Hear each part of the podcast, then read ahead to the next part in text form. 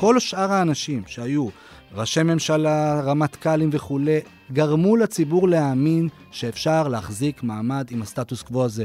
הסטטוס קוו הזה, כמו שאומר אפרים הלוי, כמו שאומר שלמה צבן, מנהל מעבר ארז מטעם משרד הביטחון, הסטטוס קוו הזה הוא דבר מסוכן. מי שאמר לאזרחי ישראל, מי שאמר לתושבי עוטף עזה, זה ששמנו בטון באדמה וזה שיש כיפת ברזל, זה אומר שאתם תהיו בטוחים, שיקר להם.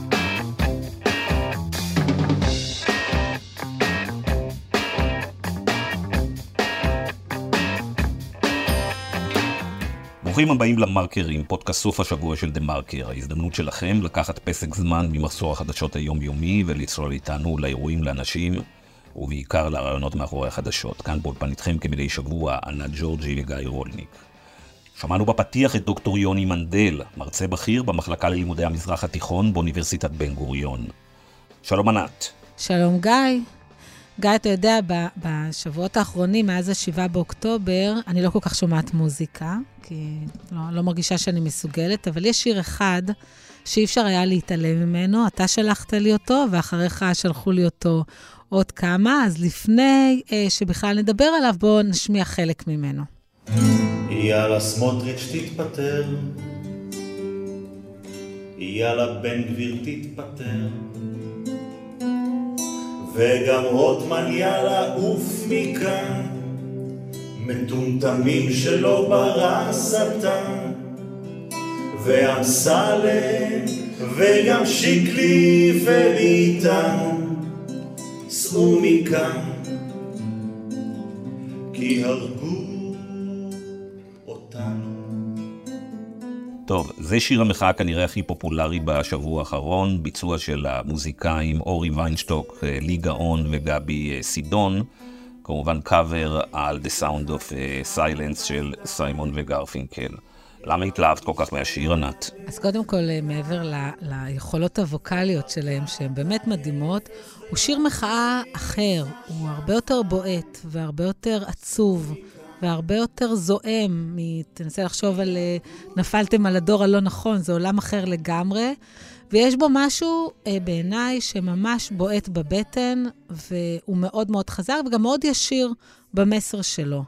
ואני רוצה עכשיו אה, להעביר את השאלה אליך ולשאול אותך אם אתה חושב שהשיר הזה, או שיר המחאה הזה, הוא דוגמה או מבוא לסוג המחאה שאנחנו עתידים לראות בו. נגיד רק שהמחאה החלה, כבר לפני שבוע וחצי הייתה מחאה ברחוב עזה, אה, ליד הבית של אה, בנימין נתניהו. אה, השבוע כבר התחילו מחאות, צפויה להיות מחאה במוצאי שבת. ואני רוצה לשאול אותך אם אתה חושב שהמחאה הפעם תהיה גם היא יותר בועטת, יותר זועמת, יותר עצובה. קודם כל, המחאה של נגד ההפיכה המשטרית הייתה די זועמת. אה, אבל אה, כמובן שהמחאה הבאה תהיה בעלת אופי אחר לחלוטין, היא תהיה ממוקדת בנתניהו, בקריאה שילך אה, הביתה. יש זעם כבוש אדיר בציבור הישראלי, אנחנו רואים את זה בסקרים. אחד הסקרים שפורסם השבוע הראה שכמעט 60% מהליכודניקים רוצים שנתניהו ילך הביתה. יש זעם כבוש שאני שומע אצל אה, המילואימניקים שנמצאים אה, בשטח.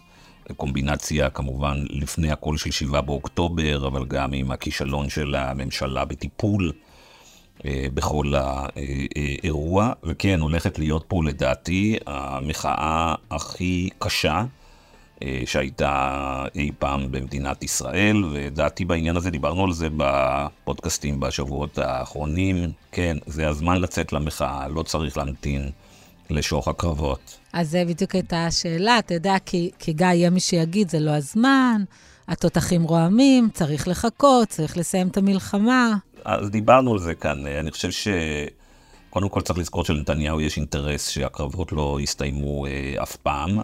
לא צריך להמתין לוועדת uh, חקירה, ואני חושב שדווקא בגלל מה שאמרת, למען החטופים, למען המשפחות, למען המילואימניקים, למען העקורים מביתיהם, למען הפלסטינאים, למען המזרח התיכון, למען האמונה שלנו שאפשר יהיה להמשיך לחיות כאן במזרח התיכון בצד הפלסטינאים, חייבים להיפטר עכשיו אה, מנתניהו, והסנטימנט בעם בעניין הזה אה, אה, ברור. אני חושב אה, שלמעט הזומבים של ערוץ 14, אה, או אנשים שמקבלים את תמונת המציאות שלהם רק מרשתות אה, חברתיות. יש רוב ברור בציבור שרוצה את נתניהו מחוץ ללשכת ראש הממשלה. אז אני רוצה להגיד על זה עוד משהו, וזה גם יוביל אותי לנושא אחר שרציתי לדבר איתך עליו. אמרה לי מישהי שבוע, היא בחרה בנתניהו כל השנים, משפחה מאוד ליכודית, והיא אמרה לי, את יודעת, אנחנו כבר לא נבחר בנתניהו. אבל הבעיה היא לא נתניהו, אלא שהעם נהפך הרבה יותר ימני. ויכול להיות שאולי נתניהו אה, כבר לא יהיה ראש ממשלה, אבל יעלו אנשים הרבה יותר קיצוניים ממנו. ואני חושבת שאנחנו מאוד מאוד עסוקים בנפילה של נתניהו, אבל השאלה היא מי יחליף אותו ומה יהיה ביום שלמחרת. תראי, זה נכון שהעם נהיה ימני, אבל uh, העם נהיה ימני מכל מיני סיבות, ואחת מהן זה נתניהו. נתניהו, כדי לשרוד בשלטון, ערך ב-15 שנים האחרונות uh, מבצע טיהור בתוך הליכוד, שכדי לשרוד וכדי שלא יהיו עליו איומים, הוא חיסל את כל הפוליטיקאים השפויים בתוך המפלגה והמליך תחתם אה, את הפופוליסטים ואת המטורפים, ובעצם הוא הכניס איזה, אני לא יודע מה, שליש היום מהליכוד זה בעצם אה, דומים יותר לאיתמר בן גביר ולבצלאל אה, והוא גם, והוא גם צריך להגיד, הכניס את איתמר בן גביר ובצלאל סמוטריץ' לממשלה. בהחלט, אז קודם כל יש את, את נתניהו. עכשיו, הדבר השני שצריך לזכור הוא, ופה זה ממש נוגע בדברים שאמרת בסיפא של, של הדברים שלך, במחנה של רק לא ביבי, יש מי שבעצם גם אה, נותן לזה לגיטימציה. אני אה, שומע הרבה מאוד בימים האחרונים, שבמחנה רק לא ביבי מדברים על נפתלי בנט כעל אה, יורשו של נתניהו, נכון. כמובן גם על גדעון סער ועל נפתלי בנט. נפתלי בנט וגדעון סער, העמדות שלהם בקשר לפלסטינאים לא שונות מאלה של נתניהו, אולי אפילו בעבר הם היו יותר קיצוניות, כמובן נתניהו שבר ימינה בטירוף בגלל המשפט שלו בחמש שנים האחרונות. גם לא בטוח שבקשר להפיכה המשטרית, דרך אגב. אה, בוודאי, יתרה מזאת, נפתלי בנט ואיילת שקד בעיקר היו שם בנושא ההפיכה המשטרית, בנושאים של להחליש את בית המשפט העליון עוד לפני אה, נתניהו, שהתחבר לזה רק מסיבותיו האישיות הפליליות. ולכן זה אכן מטריד, הוא שכולם אה, נמנעים מלדבר, כול... נוח למחנה גדול בישראל עכשיו לדבר על ביבי, אבל על הטירוף של המשיחיים, ועל זה שחלק גדול מהפוליטיקאים שלנו, גם אלה שמתנגדים לביבי, עדיין רוצים להרחיב את ההתנחלויות, על זה לא מדברים. ואני חושב כמובן שלא יהיה שום פתרון אה, אמיתי אם לא נאחוז את השור בקרנה ונדבר על אה, הסדר עם הפלסטינאים. אוקיי, okay, אז גיא, אם דיברנו על הפלסטינים, זה בדיוק הזמן אה, אה, להציג את האורחים שלנו. אנחנו בפודקאסט השבוע נתמקד בפלסטינים ובחמאס, ונציג עמדות שונות בעניין הזה, ויהיו איתנו שני אורחים, דוקטור יונתן מנדל, חוקר שפה ותרבות ערבית וחבר סגל במחלקה ללימודי המזרח התיכון באוניברסיטת בן גוריון בנגב. הוא כתב uh, לא מעט מאמרים על הנושא הזה, ואנחנו uh, ננסה לדון בהם ולאתגר אותם, ודוקטור עינת וילף, שחיברה את הספר מלחמת זכות השיבה יחד עם עדי שוורץ. שלום עינת, שלום יונתן. שלום. שלום. יונתן, נתחיל איתך. בעצם קרה פה שבר גדול אה, ב-7 באוקטובר, אה, וכולם מדברים על קריסת קונספציה, שלפיה זה שנתנו כסף לפלסטינים, אפשרנו מעבר של כסף ונתנו רישיונות עבודה לחלקים מהם, וחשבנו שככה נוכל לשמור על איזה שקט מתוח כזה, ביחד עם כמובן טכנולוגיה מטורפת שבנינו מסביב לעזה, ישמור עלינו ונוכל ככה להתנהל עד עולם, ובעצם הקונספציה הזאת קרסה. ולפני שבועיים התארח פה גרשון בסקין, והוא אמר זאת לא הקונספציה שקרסה, אלא העובדה שחשבנו שהם יוכלו להסתפק בזה ולנצח לחיות אה, בעוני מוחלט. אתה במאמרים שלך מגדיל לעשות ואומר שבעצם יצרנו פה איזו מכלאה אנושית, אה, ומה אנחנו מצפים. ואני רוצה לשאול אותך, אה, עד כמה זו באמת אחריותה של ישראל? אנחנו לפני 18 שנה הנחנו את המפתחות, אמרנו להם תודה ושאו ברכה. ומאז הם רק התחמשו ולא מפסיקים לרצות להשמיד אותנו. אז אולי הקונספציה שקרסה היא זאת שחשבנו שאפשר לחיות uh, אחד ליד השני. אה, אחד, אני לא חושב שיש קונספציה אחת שקרסה. אני חושב שיש uh, כמה וכמה קונספציות שקרסו. שתיים, ותכף אני אולי אגע בלפחות שלוש-ארבע קונספציות שנראה לי שחשוב לומר אותן. אבל מבחינת לומר דברים על חמאס, ולדבר על המתקפה הרצחנית של 7 באוקטובר, או לדבר על מאפיינים כאלה ואחרים של הארגון, אני חושב באיזשהו מקום, זה מה שמסיר את האחריות מדיון כמו פה שלנו. אני לא פלסטיני, אני לא גר בעזה, אני לא בוחר לפרלמנט הפלסטיני, אני אזרח ישראל, אני משתתף בדיון כאן, אני מלמד באוניברסיטה כאן, ואני חושב שנקודת ההתחלה שלנו צריכה להיות מה אנחנו יכולים לעשות. אה, נראה לי שזה חשוב מבחינת, גם מבחינת לקיחת אחריות, וגם מבחינת ההבנה שיש לדברים שאנחנו עושים או לדברים שאנחנו לא עושים, השפעה. השפעה על הרשות הפלסטינית, השפעה על הפלסטינים באשר הם, השפעה על תנועה כזאת או על תנועה אחרת.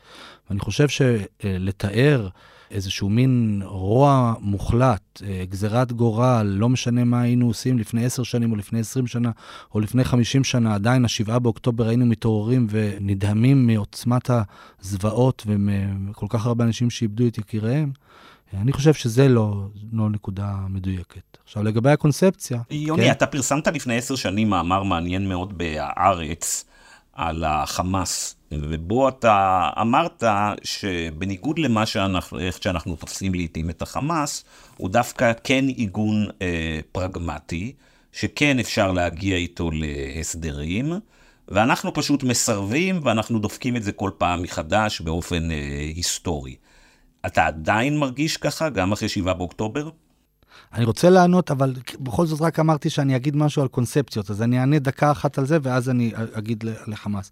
הקונספציות שקרסו לפי דעתי, הן הקונספציה שאפשר לדבר על עזה פה והגדה שם, ולנתק לגמרי את הקשר ביניהם ולעשות בידול מוחלט. הקונספציה שקרסה לפי דעתי, היא שאם נחזק את חמאס ונחליש את הרשות הפלסטינית, המצב שלנו יהיה יותר טוב. אני חושב שקונספציה נוספת שקרסה היא שאם אנחנו נשים את כל המבטחינו בפתרונות טכנולוגיים ביטחוניים מדהימים, ונכניס אה, שני מיליון אה, אה, קוב בטון לתוך האדמה, ויהיה לנו רועה יורה וכולי וכולי, בכך אנחנו נצליח לנצח. אני חושב שגם זאת קונספציה שקרסה. אני חושב שהנושא המדיני, שאנחנו נהיה איזה מין דובי לא לא כזה, שכל יוזמה מדינית, מהיוזמה הסעודית, דרך הצעות כאלה ואחרות להודנה, ואז תכף אני אענה על הנושא שאתה אמרת, דרך הרשות הפלסטינית, שכל הבונטון של הממשלות האחרונות הם לא לדבר עם הרשות הפלסטינית. אני חושב שזו גם קונספציה שקרסה, ובסופו של דבר, אנחנו צריכים להיות, יש, אנחנו מדברים פה על מדינה ועל ממשלה שהיא אחראית לחיים של התושבים שלה, והחיים של התושבים שלה נפגעו, ונראה לי שזה רק הגיוני שאנחנו נבוא ונשאל, האם באמת הסטטוס קוו השברירי, השקרי, אה, שחיינו בו עד ה-7 באוקטובר, הוא מה שהיה צריך להציע לאזרחי ישראל בעוטף עזה, עוד לפני שאני הולך לדבר על עזה עצמה. עכשיו לגבי חמאס, באותו מאמר התייחסתי גם למחקרים אקדמיים וגם למומחים מהתחומים המדיניים והצבאיים שדיברו על חמאס. ישראל, הקוורטט, הקהילה הבינלאומית, התעקשו שיהיו כבר בחירות ברשות הפלסטינית, ובאמת ב-2006 יצאו לבחירות ברשות הפלסטינית, הן היו בחירות חוקיות וכן הלאה וכן הלאה, ובסופו של דבר החמאס אה, אה, ניצח בהן. והשאלה שלנו היא מה אנחנו צריכים לעשות עם הסיטואציה הזאת. עכשיו, כשאנחנו בוחנים את חמאס מ-1987 ועד 7 באוקטובר 2023, אנחנו מבינים שיש כמה וכמה עמדות לגביהם. יש עמדה שרואה בחמאס מהאמנה שלו ב-1988 בתור, אני שומע פה כל מיני תיאורים, דאעש ונאצים ו- וכן הלאה וכן הלאה. ויש עמדה אחרת שטוענת שחמאס מ-1987, מההקמה שלו, היה ארגון, שאחד היה ארגון שמבוסס על מהות חברתית, חברתית-דתית, אה, אה, צדקה וכן הלאה, אבל מצד שני, גם ארגון ששילב בין הרדיקליות, הקנאות, האמונה הדתית, לבין מחשבה לאומית, אה, מחשבה פוליטית לאומית. ואותם אנשים, ואני ציטטתי לדוגמה במאמר, מישהו שהוא לא, לא יודע, אי אפשר להגיד עליו שהוא לא, לא מבין בביטחון, את אפרים הלוי, שהוא היה ראש המוסד והוא היה ראש המועצה לביטחון לאומי, שבה הוא אמר, הדרך שבה אנחנו נוהגים עם החמאס היא לא נכונה. אנחנו דוחקים את החמאס, אנחנו לא מנצלים את האלמנטים הפרגמטיים שכן קיימים בחמאס, לא יכול להיות שאנחנו נתעלם. ראיתי שעידן לנדאו כתב על עשר הודנות שהיו אפשריות בשנות ה-90 ואחרי זה בשנות ה-2000, ואף פעם אנחנו, ישראל לא תיענה להם. ציטוט אחר שאני הבאתי שם הוא של שני החוקרים היחידים בארץ שעשו באמת מחקר מעמיק על חמאס, פרופסור אברהם סלע מהאוניברסיטה העברית ופרופסור שאול משעל מאוניברסיטת תל אביב. שבהם שני החוקרים המובילים בישראל לנושא של חמאס, מדברים על אלמנטים פרגמטיים שקיימים אה, בתנועה הזאת. אז בהינתן זה, איך אתה מסביר את מה שקרה? יכול להיות שהחמאס השתנה? אחת, מלפני- יכול מאוד להיות שהחמאס השתנה, ויכול מאוד להיות, ש- בהחלט, ש- ש- שאני לא יודע, שמדברים על שני צירים שיש בחמאס, על ציר אה, מוחמד דף וציר אה, סאלח אל-ערורי, ושבסופו של דבר הציר של העימות הוא זה שניצח בתוך הוויכוח הפנימי שלהם.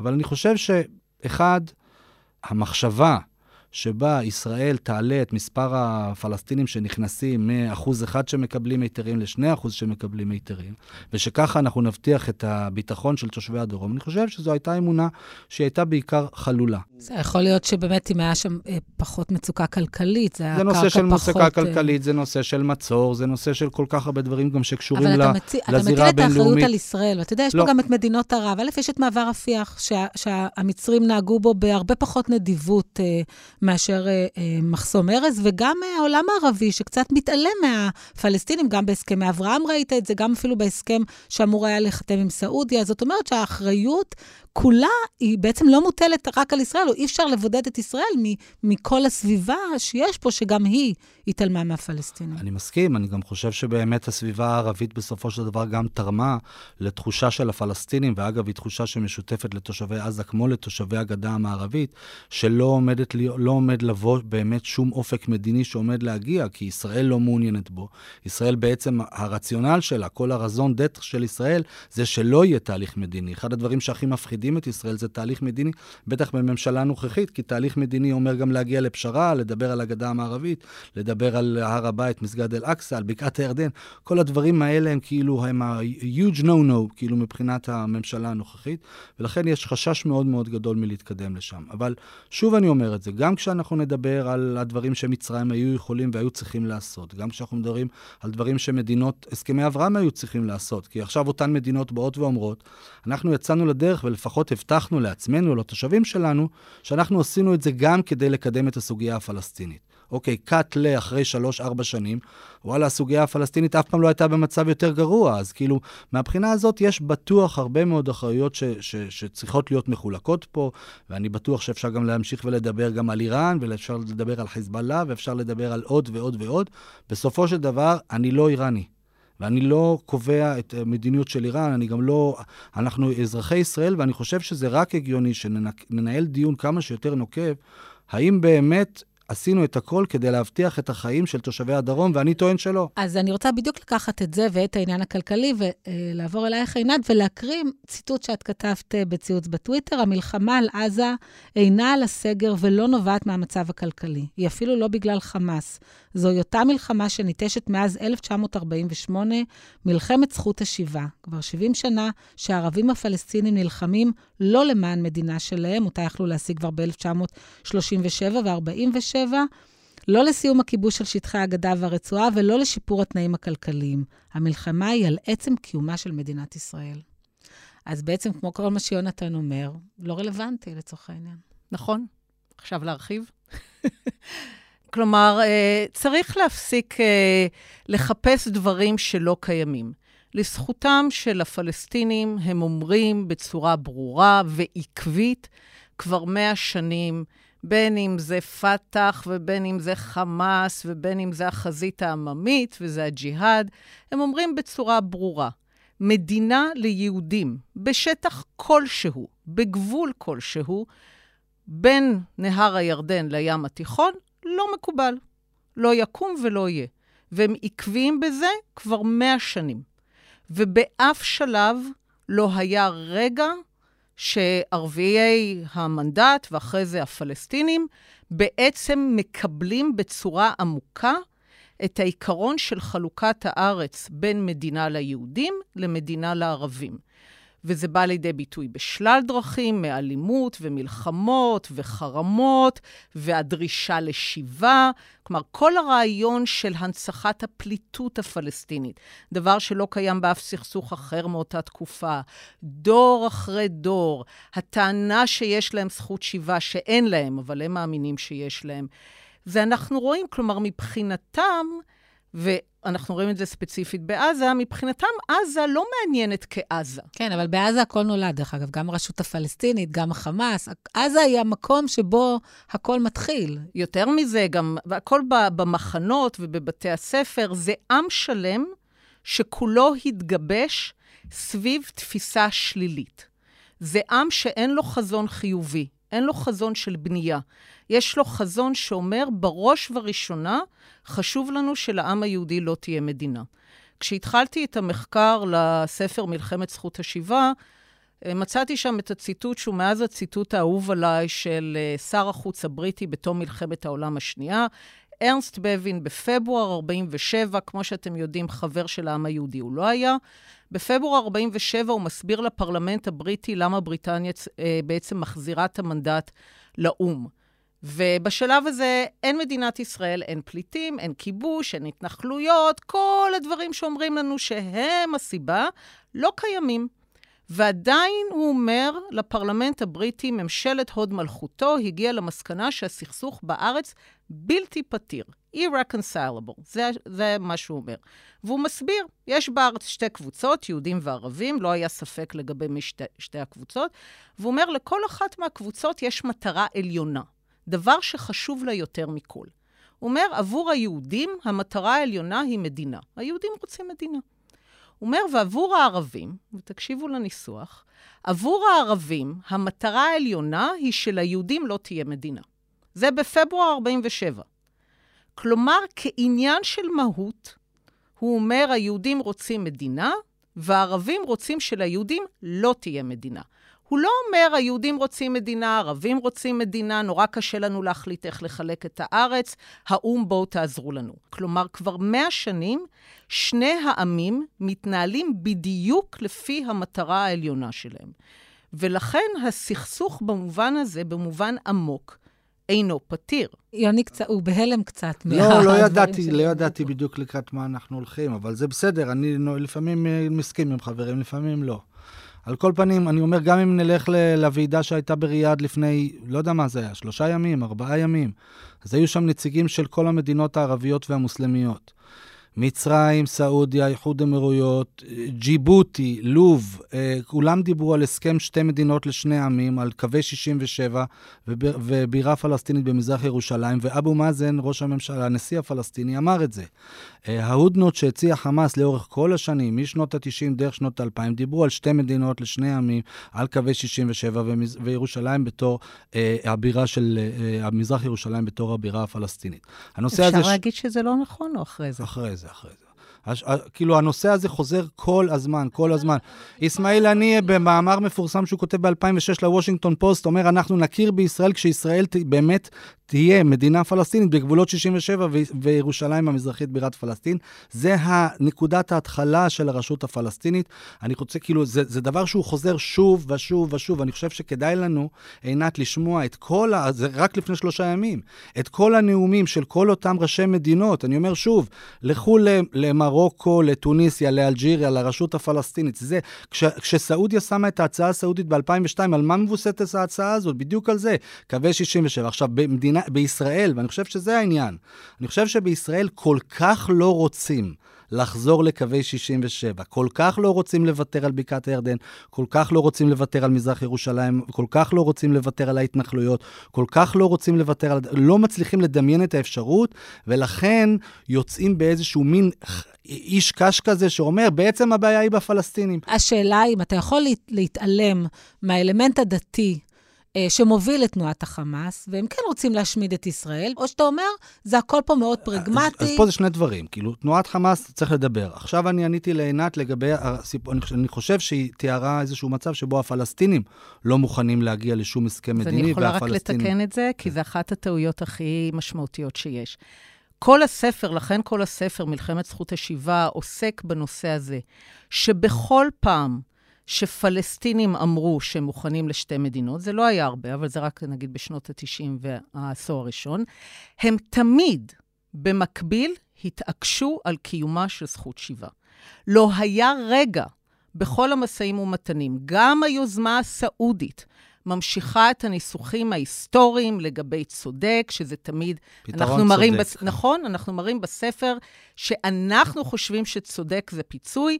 היסטורית צודק, גם ב-Palestine Papers הם מבהירים, צודק זה שיבה. ועדיין, עינת, אם יש איזשהו רצון לנהל משא ומתן, גם אם מביעים את העמדה שלהם, יש הכרה במדינת ישראל. אבל ניהלו משא את ומתן. יודעת, כי לפי הגישה שלך בעצם את אומרת, אין פה שום סיכוי, נחיה על החרב, הם רוצים להשמיד אותנו. לא, זה לא מה ש- כך היה, אבל זה מה ש... זה הסאבטקסט. אני אומרת שכל עוד, אז קודם כל נגיד ככה, אנחנו כל פעם מתחילים מההתחלה.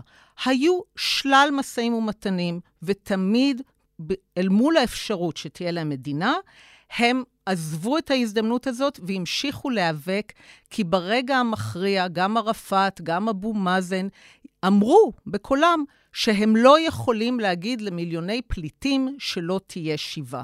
זה האתוס הכי בסיסי של הפלסטינים. ולכן דווקא בתור מי שמוכנה ללכת לקווי 67 ומחר מוכנה להקים שתי מדינות ולא תומכת בהתנחלויות, ואי אפשר להאשים אותי בכל הדברים האלה, וממש אשמח אה, לחלק את הארץ. דווקא בתור מי שמאמינה בזה, צריך להבין שמולנו זה האתוס הבסיסי, ועד שהפלסטינים כעם לא יאמצו את האמירה הברורה שהם מכירים בזכותם השווה של היהודים ושל העם היהודי להגדרה עצמית בארצו, שהם מבינים שהם לא פליטים. מה פתאום יש פליטים בעזה מ-48? פליטים ברמאללה. שהם לא פליטים ואין שיבה. בואו ננסה רגע להגיע לדבר ששניכם, שגם יוני וגם עינת אה, מסכימים עליו, והוא שאנחנו צריכים אה, להפסיק את הכיבוש וההתנחלויות ולחתור לפתרון אה, אה, מדיני. לכל אחד מכם יש השקפה אחרת על מה בעצם רוצים אה, הפלסטינאים והעולם הערבי, אז בואו נשמע מה הפתרונות אה, שאתם אה, אה, מציעים מתוך ההשקפה, בהנחה שאנחנו רוצים אה, להגיע לפתרון מדיני. אז מתוך הבנה שכל עוד הפלסטינים מחויבים כאתוס כללי של כל העם לשלילת הציונות, ולעולם, לא, לא משנה איזה משא ומתן ננהל, ברגע המכריע שצריך לחתום, הם תמיד ילכו ותמיד יעזבו, כי באופן בסיסי הם מאמינים במין הנהר ועד הים. כל עוד זה מה שהם רוצים, צריך להבין שכדי להגיע לשלום, הם כעם צריכים לשנות את האתוס שלהם. הם צריכים למעשה להחליט, כמו שבבין אמר, ששלילת מדינה יהודית היא לא העדיפות העליונה שלהם. רק אז בכלל אפשר להתחיל לחתור לשלום, לחלק את הארץ. אני עכשיו לומדת לעומק את המקרה של האמריקאים ביפן, הכיבוש האמריקאי ביפן אחרי הכניעה היפנית, שמראה איך הצליחו לשנות אתוס של עם שלם שהיה מגויס לרצח ומוות והתאבדות, לא בשונה מהפלסטינים שהם עם מגויס להרס המדינה היהודית, ואיך הצליחו להפוך אותם למדינה שוחרת שלום, שהשאירה את כל זה מאחור. יש הרבה דברים שישראל יכולה לעשות, אבל זה ידרוש עיסוק אמיתי בליבת האתוס הפלסטיני. ראשית, לגבי הפתרון, ואז נעבור לדבר על חמאס. אני חושב, אה, אין לנו, בגלל שאנחנו לא מצולמים, אז אני לא יכול לעשות את זה בהסבר בגרפיה, אבל יש עכשיו אה, הרבה, לפעמים אני רואה שרשראות כאלה של אנשים שבדרך כלל שמהצד היותר ימני של המפה, של ארץ ישראל, מכירה? טיליון כזה. והרבה פלסטינים שאני מכיר, יש להם גם טיליון כזה, ולמרבה ההפתעה זה בדיוק אותו טיליון. אני לא יודע אם הם עושים אותו אצל אותו צורף, או שזה שני צורפים שונים. שני הציבורים, גם הציבור היהודי וגם הציבור הפלסטיני, כשאני מבקש מהישראלי לצייר את ישראל וכשאני מצייר, מבקש מהפלסטיני לצייר את פלסטין, מציירים את אותה מפה בדיוק. אין ישראלי בעולם שמצייר את מפת ישראל בלי עזה ובלי הגדה. אין פלסטיני בעולם שמצייר את פלסטין רק גדה ורצועה עם איזה חוט שמקשר ביניהם. לא. זה שני ציבורים שמסתכלים על האזור הזה שבין הים לנהר ומזהים את הזיקה שיש להם לאזור הזה שבין הים לנהר.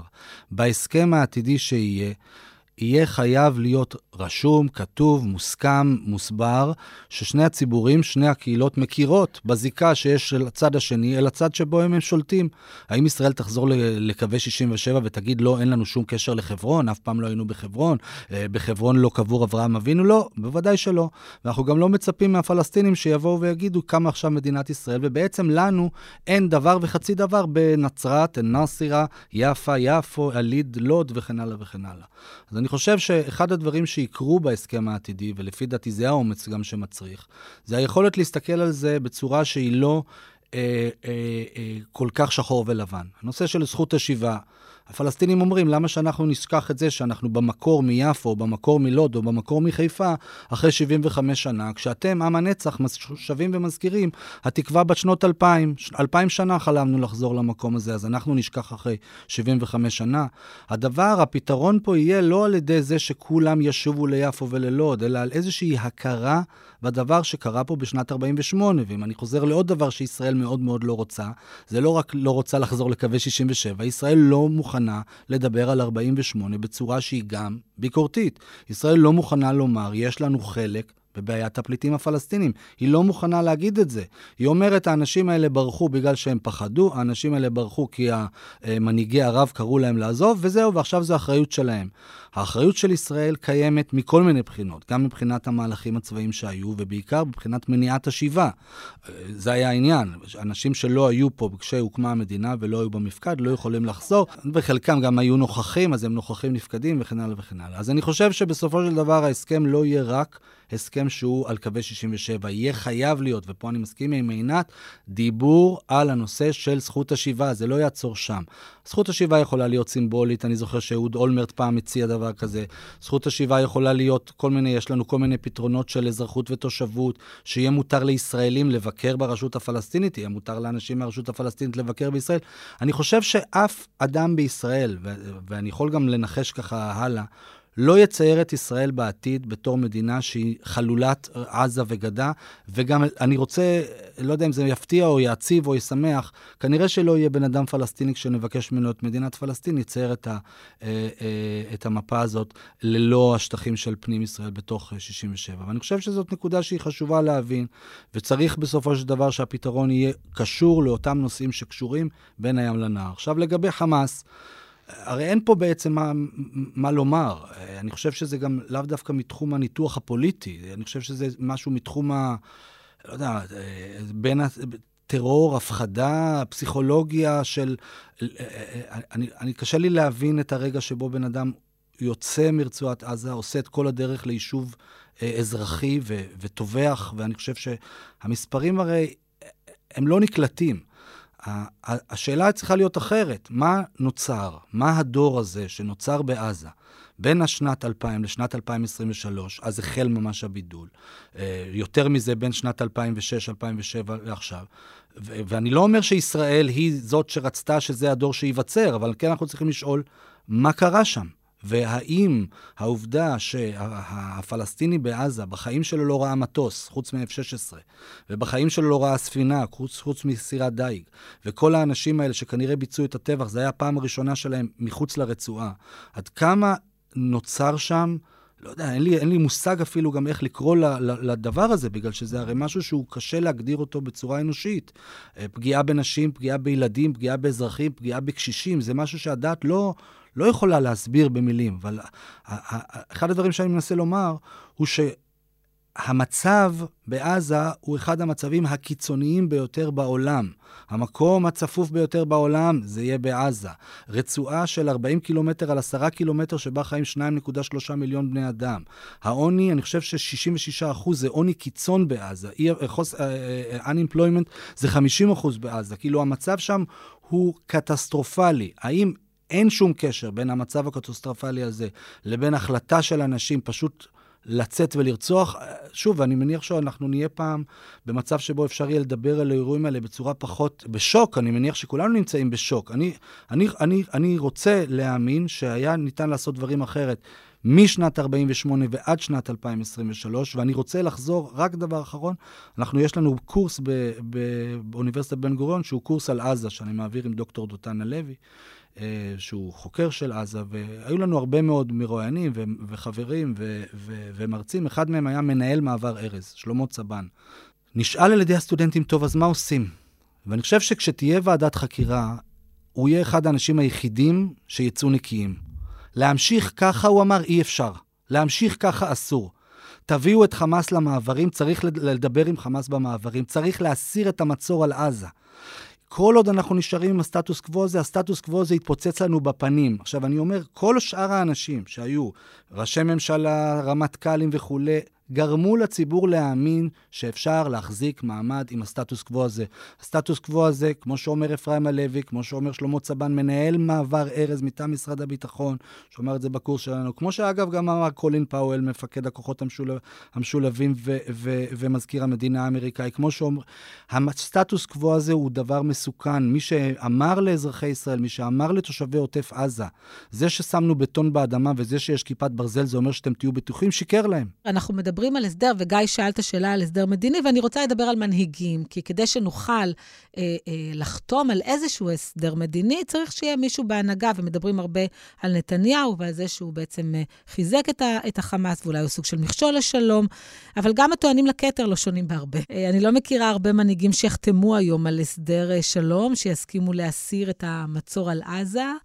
או בכלל שירצו להתמודד עם תפוח אדמה הלוהט הזה שנקרא פלסטינים בעזה. אז קודם כל אני חייבת להגיד, כמה עשרות שנים הפלסטינים יטבחו בנו, ילכו כל פעם שמציעים להם מדינה, לא ייקחו את זה וימשיכו להילחם, כל פעם תחת שם אחר, וכל פעם נתייחס רק לעשור האחרון. באיזשהו שלב צריך להסתכל על כל הפאטרן ולהגיד, יש כאן עם שפועל באופן עקבי, בהתאם לאמירות שלו, שהוא לא מכיר בזכותם של היהודים להגדרה אבל עצמית. אבל אז את מתעלמת מהמון תהליכים שהתרחשו. א', אנחנו שלטנו בעזה הרבה מאוד שנים.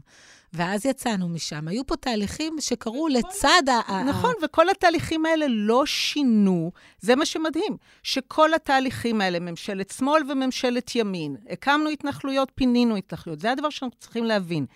כל הדברים הללו לא שינו, כי האתוס הפלסטיני בבסיסו אומר, כעדיפות עליונה שליהודים לא תהיה מדינה.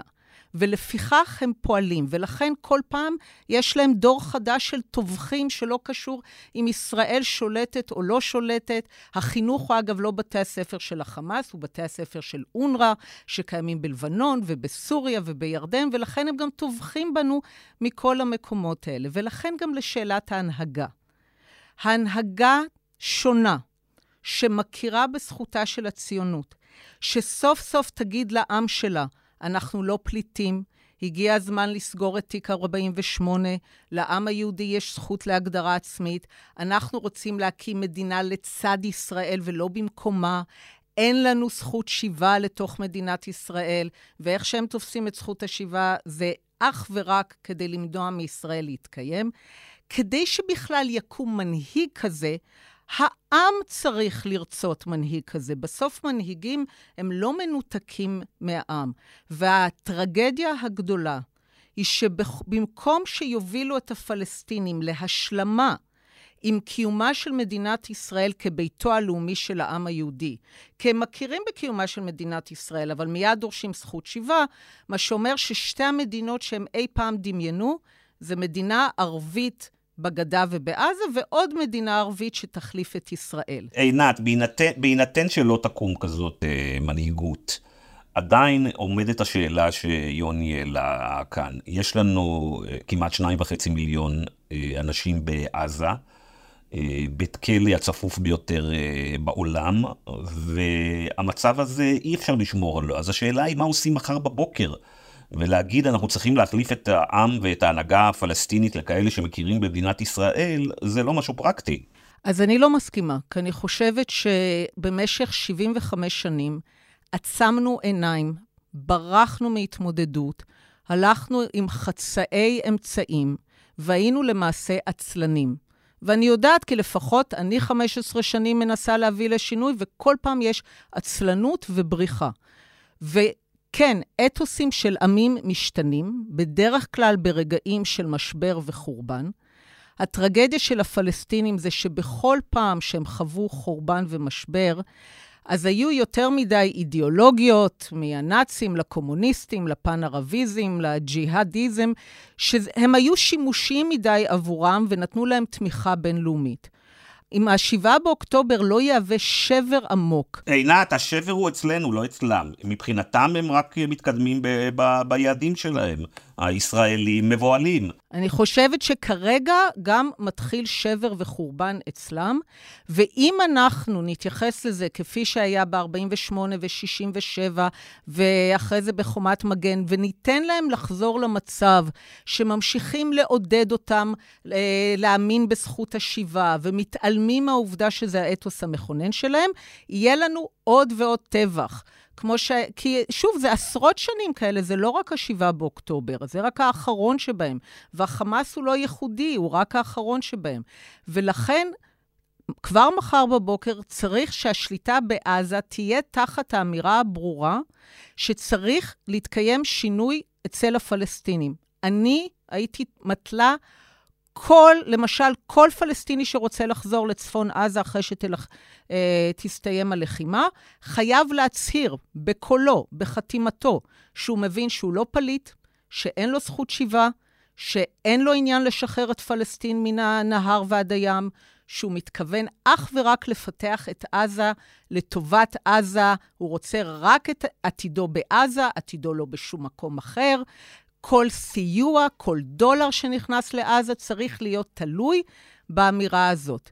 שוב, אני מסתכלת, מה שהאמריקאים עשו ביפן, אני אספר לכם, מה שהם עשו בחינוך זה ממש מעורר השראה. המורים והילדים ביפן היו צריכים לקחת את ספרי הלימוד בעצמם, לא הביאו להם ספרי לימוד חדשים, והם היו צריכים עם מרקר שחור למחוק כל אזכור לעליונות הגזע היפנית, כל אזכור לשאיפות אימפריאליות, כל תמיכה במיליטריזם. הם היו צריכים להחזיק את הספרים מול השמש, לראות שהמרקר השחור... לי זה ממש מרגיש כמו טרור מחשבתי. נראה לי שכל אחד צריך להיות אחראי לשנות את ה... אז מה עדיף? מה עדיף? פשוט... לא, בסוף צריך... אה, בסוף אנחנו צריכים להבין שזה, אם אנחנו לא נפעל בצורה ברורה שהפלסטינים יהיו עם שונה, מה שהיה ב-7 באוקטובר, הם אומרים את זה בעצמם, יהיה שוב ושוב ושוב. גם אני לא מסכים. גם אני חושב שבסופו של דבר, אחת הבעיות שיש בשיח בישראל הוא שאנחנו נוטים להסתכל על עצמנו בתור בני אדם ועל הפלסטינים בתור משהו שהוא לא בן אדם, אלא משהו שהוא קצת אחר. משהו שאסור שיהיה לו חלומות, משהו שאסור שיהיה לו רצונות, משהו שאסור שיהיה לו צרכים אחרים. הפלסטינים רוצים שתהיה להם מדינה משגשגת. הפלסטינים היו רוצים שתהיה להם מדינה שהיא לא בנטוסטנים בגדה המערבית, שמחולקת ל... כרגע ישראל אינה שולטת על 60% מהגדה המערבית, זה שטחי C. ויש שם סיפוח זוחל. הפלסטינים לא היו רוצים... היו להם שלל הזדמנויות, לא, הפלסטינים לא, לא. הפלסטינים גם ב-93, גם בהסכם אוסלו, ישראל לא רצתה להקים מדינה פלסטינית. זה חשוב להגיד את זה, חשוב לחזור לרבין. ישראל לא רצתה שתקום מדינה פלסטינית. ישראל לא הסכימה שתקום... ישראל לא כן. הסכימה שתקום מדינה פלסטינית שיהיה לה גבולות משל עצמה ושיהיו שם חיילים של המדינה הפלסטינית וחיילים של ארץ אחרת בארץ אחרת. ישראל לא הסכימה לזה. ישראל רוצה להיות הריבון הביטחוני שבין הים לנהר. וברגע שישראל אומרת, אנחנו, מגיע לנו X. לפלסטינים מגיע פחות מזה, אוטומטית יש פה איזשהו סטטוס קוו שהוא שברירי ושהוא עומד להתפוצץ. ישראל צריכה לבוא ולומר, אנחנו רוצים לדבר על הסכם, אנחנו מוכנים לשמוע. לפעמים אני שומע שאנשים אומרים, טוב, זכות השיבה, טוב, הפליטים, טוב, ירושלים, טוב. אנחנו כבר נמצאים ב-post-conflict, אנחנו כבר יודעים מה יהיה הפתרון. אני חושב שזאת בעיה גדולה מאוד. ישראל עכשיו פה, היא מדינה שנמצאת ב-post-conflict, לפחות עד ה-7 באוקטובר. נסענו לחו"ל, חזרנו מחו"ל, המסעדות היו פה, המסעדות היו שם. הפלסטינים היו עדיין בתוך קונפליקט, קונפליקט אמיתי, שבו יש חיילים, שבו יש מחסומים, שבו יש כיבוש, שבו יש מצור, שבו אין, אין וכן הלאה וכן הלאה. ישראל תהיה חייבת, וזה אחד הדברים שאני חושב לבוא ולומר, לדבר כשתהיה הנהגה פלסטינית שאנחנו מוכנים להכיר בה, שאנחנו רוצים לחזק אותה, אני עוד לא יודע, מדברים עכשיו מרואן ברגותי, אבו מאזן, בחירות חדשות שאולי יהיו, לא משנה, מה שזה לא יהיה, ישראל צריכה לבוא ולהגיד, אנחנו לא אותו דובון לא לא שעד עכשיו, אנחנו לא עומדים לעבוד עליהם שאולי תקום להם מדינה, אבל בעצם אנחנו לא רוצים שתקום להם מדינה. זה הדברים של רבין 1993, לא רצה שתקום מדינה פלסטינית, אלא כשאנחנו נעשה את זה, אנחנו הולכים לדבר על כל סוגיות הליבה האלה ואנחנו הולכים לפתור אותם. נראה לי שיש חשש חשש מאוד מאוד גדול בישראל מלגעת בסוגיות האלה. כמה הפלסטינים בעזה, הפלסטינים באיו"ש, הפלסטינים במזרח ירושלים, עד כמה זה באמת משפיע ומושפעים אחד מהשני? זאת אומרת, הם רואים את עצמם כמכלול, אה, או שכל אחד מתנהל בנפרד? טוב, זו שאלה גדולה, בגלל שב-20 שנה האחרונות לא היה ביניהם קשר בין עזה לגדה המערבית. למרות שהרבה הייתה... פעמים החמאס, אם קרה משהו בירושלים, אז הוא מיד הגיב, הוא אמר, אנחנו... אני חושב שאחד הדברים שבאמת קורים זה שהחמאס, הם רצו להראות שהעובדה שהם בעמדת הנהגה, או רק בעזה, או כביכול מגיעה להם ההנהגה בכל הרשות הפלסטינית בגלל הבחירות של 2006, ברגע שיקרו דברים שהתרחשו בגדה, הם עומדים לה, להגיב. להבדיל מהרשות הפלסטינית, שכשקורה דברים בעזה הם לא, הם, הם לא מגיבים. ולכן העניין, אני חושב שזה היה גם, לדוגמה, לפני שנה, אם זה היה, או לפני שנתיים, כשבזמן מצעד הדגלים ירו על ירושלים אה, בטילים, הכוונה הייתה לא רק לאותת לישראל משהו, אלא גם לאותת משהו לאבו מאזן. כאילו, אנחנו עושים עכשיו את הדברים בגלל שאתה לא מסוגל לעשות, וההנהגה שלך היא, היא כושלת ו, ורפויה ו, ו, וכולי וכולי, וישראל מצליחה אה, אה, לפגוע באינטרס הפלסטיני על ידי זה שהיא מחלישה אותך. עדיין, having said all that, גם בגדה המערבית, גם במזרח ירושלים, גם ברצועת עזה, זה שלושה אתרים שבהם התקיימו הבחירות בשנת 2006. במזרח ירושלים אמנם לא כולם יכלו לבחור, אבל מי שיכל לבחור, היה יכול לבחור בין פת"ח לבין הרשות, לבין חמאס, שקראו להם uh, הרפורמה והשינוי, אבל uh, בכל מקרה, הקשר בין שלושת האזורים האלה הוא חזק. אני חושב שיש uh, זהות עזתית שהיא עוד יותר חזקה מכולם בגלל ההתרחשויות ב-16 השנים האחרונות, ונראה לי שאחד הדברים שכל הפלסטינים יסכימו עליהם, גם במזרח ירושלים, גם בגדה וגם בעזה, זה שהם יחידה אחת. ושהבידול פועל אה, נגדם. וזה אחד הדברים שחמאס, לא יודע מה עומד לקרות לתנועה הזאת, לארגון הזה בשנים הבאות, אבל אם הם יתקיימו, אז זה אחד הדברים שהם יגידו. טוב, אנחנו צריכים להתקרב, לחתור ל, ל, לסיום, ואני רוצה להציע את הדבר הבא. מאחר ואנחנו לא רואים שינוי משמעותי בעתיד במנהיגות הישראלית, וגם אם כאשר ניפטר מנתניהו, כמו שאמרנו פה ברישה של הדברים, אנחנו נקבל uh, מנהיגים בסופו של דבר שהתפיסות המדיניות שלהם לא שונות דרמטית uh, משלו. ומאחר שגם uh, אני יותר סקפטי uh, שאנחנו נראה שינוי מהותי בצד השני, אז השאלה היא האם הפתרון יכול לבוא uh, מכיוון של uh, uh, ארצות הברית ו- והמערב. ויש פה שתי שאלות. אחד, אני חושב שבינתיים החמאס מנצח, בגלל שבכל הקמפוסים אה, בארצות הברית אה, עכשיו כולם שרים From the river to the sea. אז הסיסמה הזאת אה, שהייתה של הפלסטינאים עכשיו הופכת פופולרית בכל העולם. ושתיים, האם ה-7 באוקטובר זה הזדמנות אה, עבור אה, ארצות הברית בעיקר, אבל אולי גם אירופה, לנסות אה, לכפות פה על הצדדים איזה הסדר? עכשיו אנחנו בהלם גדול, ומדברים הרבה על היום שאחרי, שמעתי אחד הדוברים, אה, שאול אריאלי, ואני מסכים איתו בעניין הזה, שאמר שהיום שאחרי צריך להיות הפוך מהיום שלפני. כאילו שצריך ללמוד את כל הטעויות שנעשו לפני זה, וזה כולל עוד הרבה אה, דברים אחרים.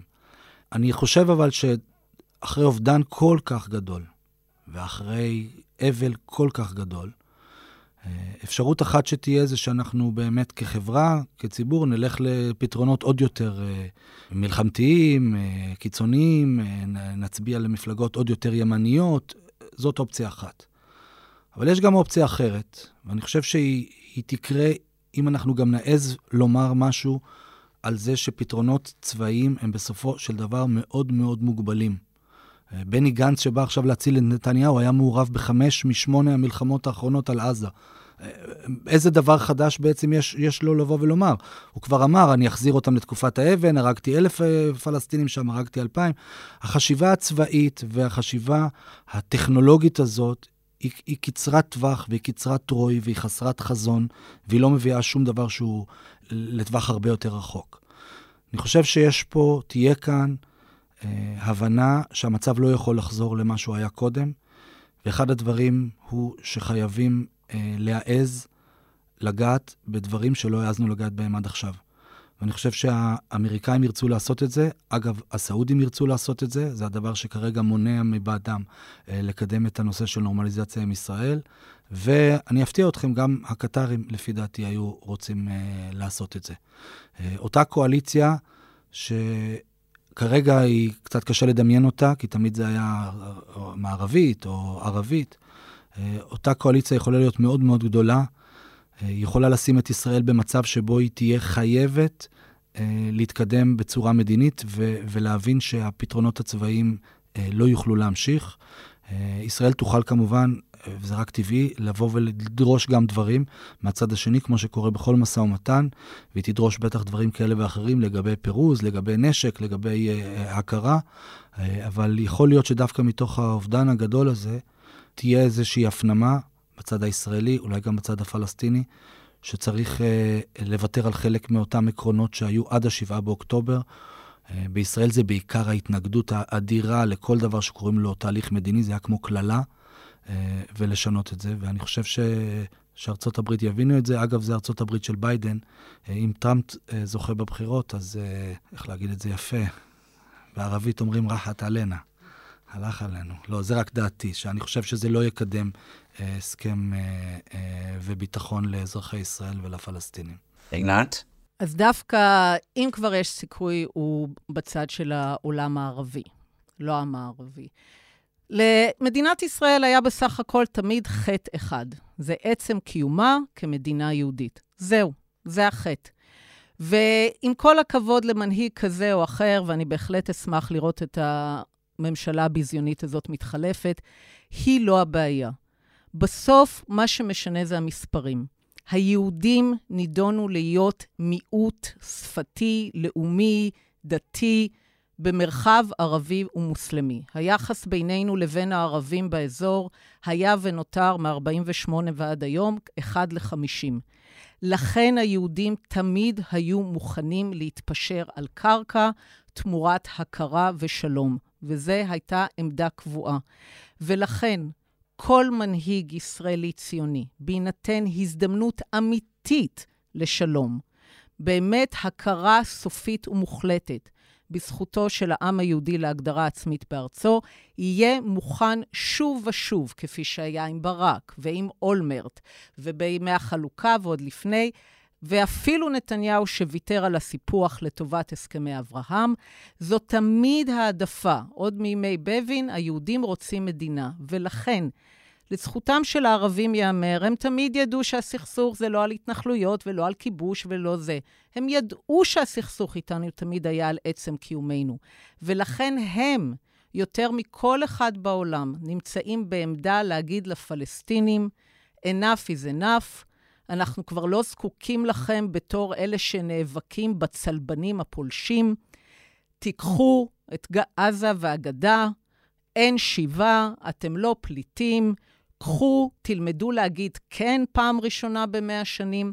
רק הערבים בעמדה לעשות את זה, וכאן אני עדיין ממשיכה לראות את שביב התקווה. אוקיי. עינת וילף ויוני מנדל, תודה רבה שבאתם לאולפנינו. תודה, תודה.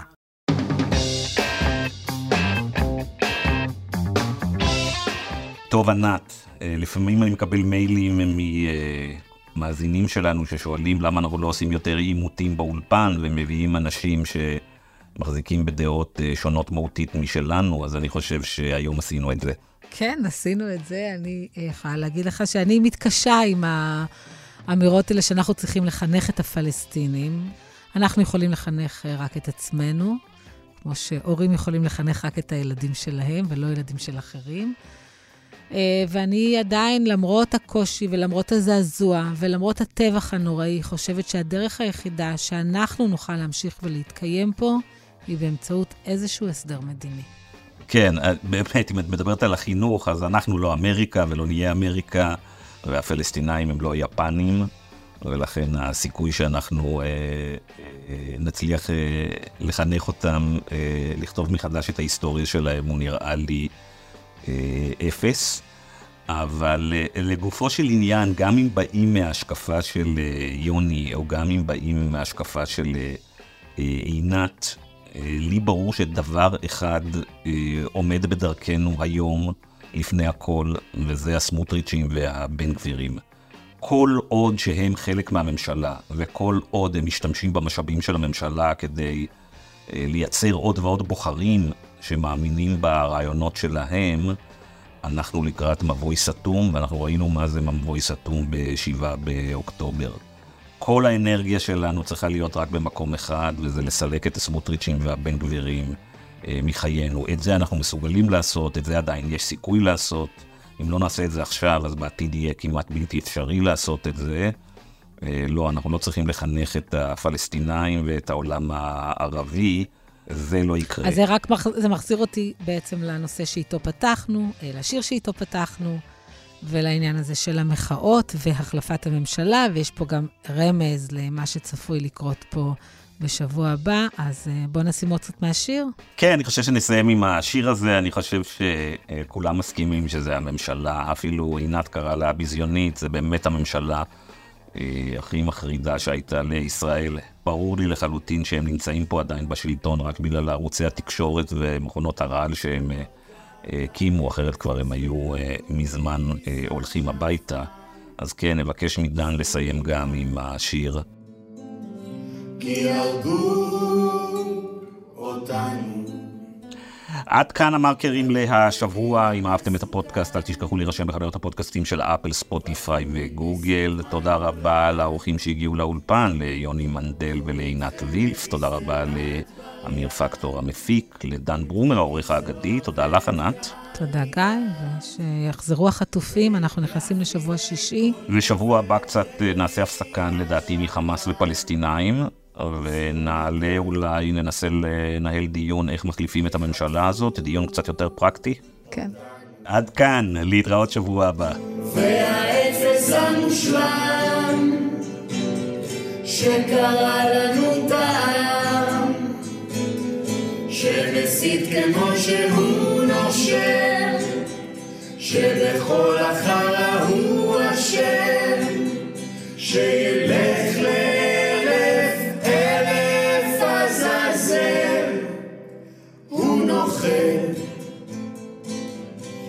שחטו אותנו.